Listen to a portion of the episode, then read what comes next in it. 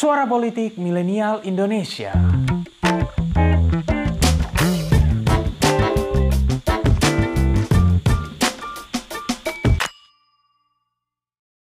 Oh, I think it is no doubt. I think it's a remarkable country. When you think of what has happened in the last 10 years, let alone 20 years, is, is an achievement beyond recognition. I think that one of the things that is so important is people must come to China Kalau kalian suka mengikuti perkembangan sejarah dunia atau mengamati tokoh-tokoh paling berpengaruh di dunia, pasti nggak asing dengan nama Rothschild. Tokoh di video tadi adalah Sir Evelyn Robert Adrian de Rothschild atau yang lebih sering dikenal dengan Evelyn de Rothschild yang merupakan salah satu anggota keluarga Rothschild.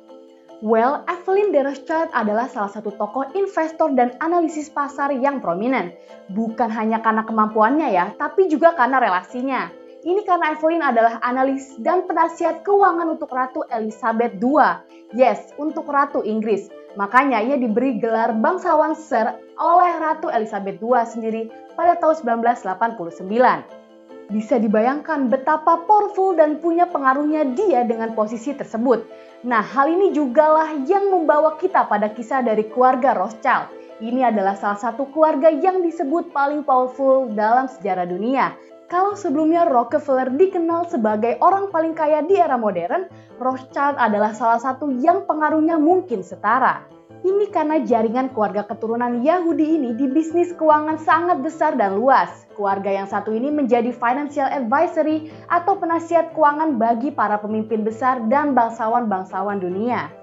Selain untuk royal family seperti kasus Evelyn dan Ratu Elizabeth, keluarga Rothschild juga menjadi penasihat keuangan untuk British nobility.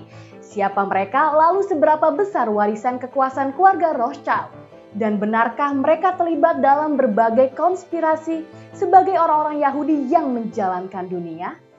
Sebelum mulai, jangan lupa subscribe dulu ya. Kalian juga bisa mendaftar jadi member Pinter Politik dan dapatkan konten-konten eksklusif dengan klik tombol join di bawah ini ya.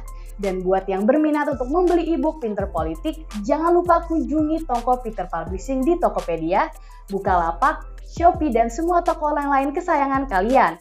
Link selengkapnya juga bisa kalian cek di kolom deskripsi. Back to the video, yuk kita telusuri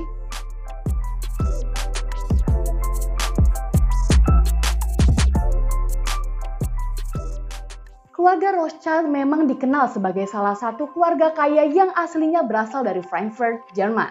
Adalah Mayer Amscher Rothschild yang menjadi anggota pertama dari keluarga Rothschild yang mengembangkan bisnis keuangan. Ia hidup antara tahun 1744 hingga 1812. Walaupun demikian, nama keluarga Rothschild sendiri sudah dipakai sejak tahun 1577 oleh Isaac Elkanan Rothschild. Rothschild itu sendiri dipercaya berasal dari bahasa Jerman, Zumrottenschild, yang artinya diperisai merah, mengacu pada rumah tempat tinggal keluarga ini di masa lalu. Di masa lalu belum ada penomoran rumah kayak di zaman sekarang, sehingga penanda rumah adalah simbol tertentu yang diberi warna tertentu. Seperti sudah disinggung tadi, Mayer Amschel Rothschild adalah anggota keluarga Rothschild yang paling pertama mendirikan bisnis keuangan keluarga. Pekerjaannya kala itu disebut sebagai court factor atau court Jew yang merupakan orang yang mengurus masalah keuangan atau juga meminjamkan uang bagi keluarga kerajaan dan bangsawan Eropa, terutama di Jerman. Sebagai imbalan atas pelayanan dan jasanya, court factor mendapatkan social privilege dalam masyarakat atau bahkan mendapatkan status kebangsawan pula. Tokoh court factor lain yang juga terkenal adalah Aaron of Lincoln dan Vivelin of Strasbourg. Keberadaan posisi court factor makin menguat seiring makin banyaknya monarki absolut di Eropa. Ini karena para raja dan ratu penguasa itu membawa serta orang-orang Yahudi, umumnya Yahudi Askenazi, Orang-orang Yahudi inilah yang akan memulai urusan negosiasi yang tak jarang membuat mereka mendapatkan posisi politik dan sosial di kerajaan. Nah, hal serupa juga terjadi pada keluarga Rothschild. Berbeda dengan banyak court factors, Rothschild berhasil mewariskan kekayaannya dari generasi ke generasi dan mengembangkan jaringan bisnis perbankan internasional. Makanya keluarga Rothschild ada di London, Paris, Frankfurt, Vienna, Naples, dan lain sebagainya. Posisi keluarga ini juga makin kuat seiring keberadaan Holy Roman Empire dan menguatnya British Empire.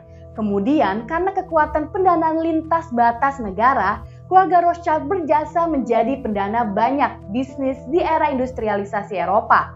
Mereka menjadi pendukung dibukanya banyak proyek rel kereta api hampir di seluruh dunia, termasuk juga proyek-proyek macam pembangunan terusan Suez. Ada juga kisah menarik ketika keluarga Rothschild terlibat langsung dalam kemerdekaan Brazil dari Portugal. Jadi ceritanya di awal abad ke-19, Brazil yang mau merdeka diharuskan membayar kompensasi senilai 2 juta pound sterling kepada kerajaan Portugal. Itu kalau dihitung dengan inflasi dan kurs saat ini, nilainya sekitar 3,7 triliun rupiah. Nah, uang itu didapatkan oleh pemerintah Brazil lewat pinjaman dari Rothschild Co alias keluarga Rothschild sendiri. Bisa dilihat kan bagaimana berkuasanya keluarga yang satu ini sampai bisa memerdekakan sebuah negara. Anyway, di masa kejayaannya, beberapa sumber menyebutkan total kekayaan Rothschild mencapai 300 miliar US dollar. Itu kalau dirupiahkan sekitar 4.276 triliun rupiah. Yes, 4.000 triliun rupiah lebih. Adapun puncak kejayaan keluarga Rothschild terjadi di abad ke-19. Sementara sekarang ini kekayaan keluarga Rothschild memang tidak sebesar zaman dulu. Namun kalau bicara soal pengaruh dan jaringan bisnisnya, keluarga yang satu ini tak bisa diragukan posisinya.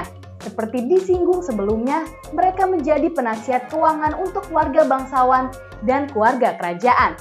British Nobility yang merupakan golongan bangsawan dengan gelar Duke, Earl, Viscount, Baron, dan lain-lain adalah contoh yang punya hubungan dengan keluarga Rothschild. Mungkin konteks hubungan itulah yang membuat banyak orang menyebut keluarga Rothschild sebagai keluarga yang menjalankan dunia. I mean, tengoklah koneksi mereka. Lalu bagaimana dengan isu Yahudi dan Zionisme? Well, banyak yang menyebutkan bahwa karena status sebagai keturunan Yahudi membuat keluarga Rothschild jadi sasaran serangan antisemit. Sedangkan sikap dan dukungan terhadap gerakan Zionisme sendiri sesungguhnya tidak merata di dalam keluarga Rothschild. Terkait hal ini, mungkin yang paling prominent adalah Walter Rothschild yang mengeluarkan Balfour Declaration pada tahun 1917. Ini adalah deklarasi yang berujung pada dukungan pembentukan National Home for the Jewish People, hal yang di kemudian hari berujung pada lahirnya negara Israel. Demikian pun dengan beberapa anggota keluarga Rothschild lain yang ikut mendukung deklarasi itu dan memperjuangkan kepentingan orang-orang Yahudi. Yang jelas, kisah Rothschild ini memberikan gambaran kepada kita betapa powerfulnya posisi banker atau orang-orang di industri keuangan. Dulu juga ada keluarga-keluarga berkuasa yang menjadi besar karena bisnis di bidang perbankan. Misalnya keluarga Medici, Fugger, Welser, Bernberg, dan lain sebagainya. Tulis di kolom komentar kalau kalian ingin kita bahas soal keluarga-keluarga tersebut. Well, selain polisi, mungkin pegawai bank adalah profesi lain yang jadi menantu idaman kali ya. Hmm, Rothschild sudah membuktikannya.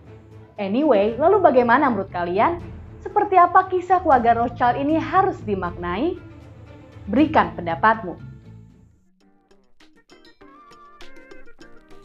Terima kasih telah mendengarkan episode kali ini. Nantikan episode-episode selanjutnya dan jangan lupa untuk kunjungi pinterpolitik.com untuk dapatkan informasi seputar fenomena politik di Indonesia. See you next time and bye-bye.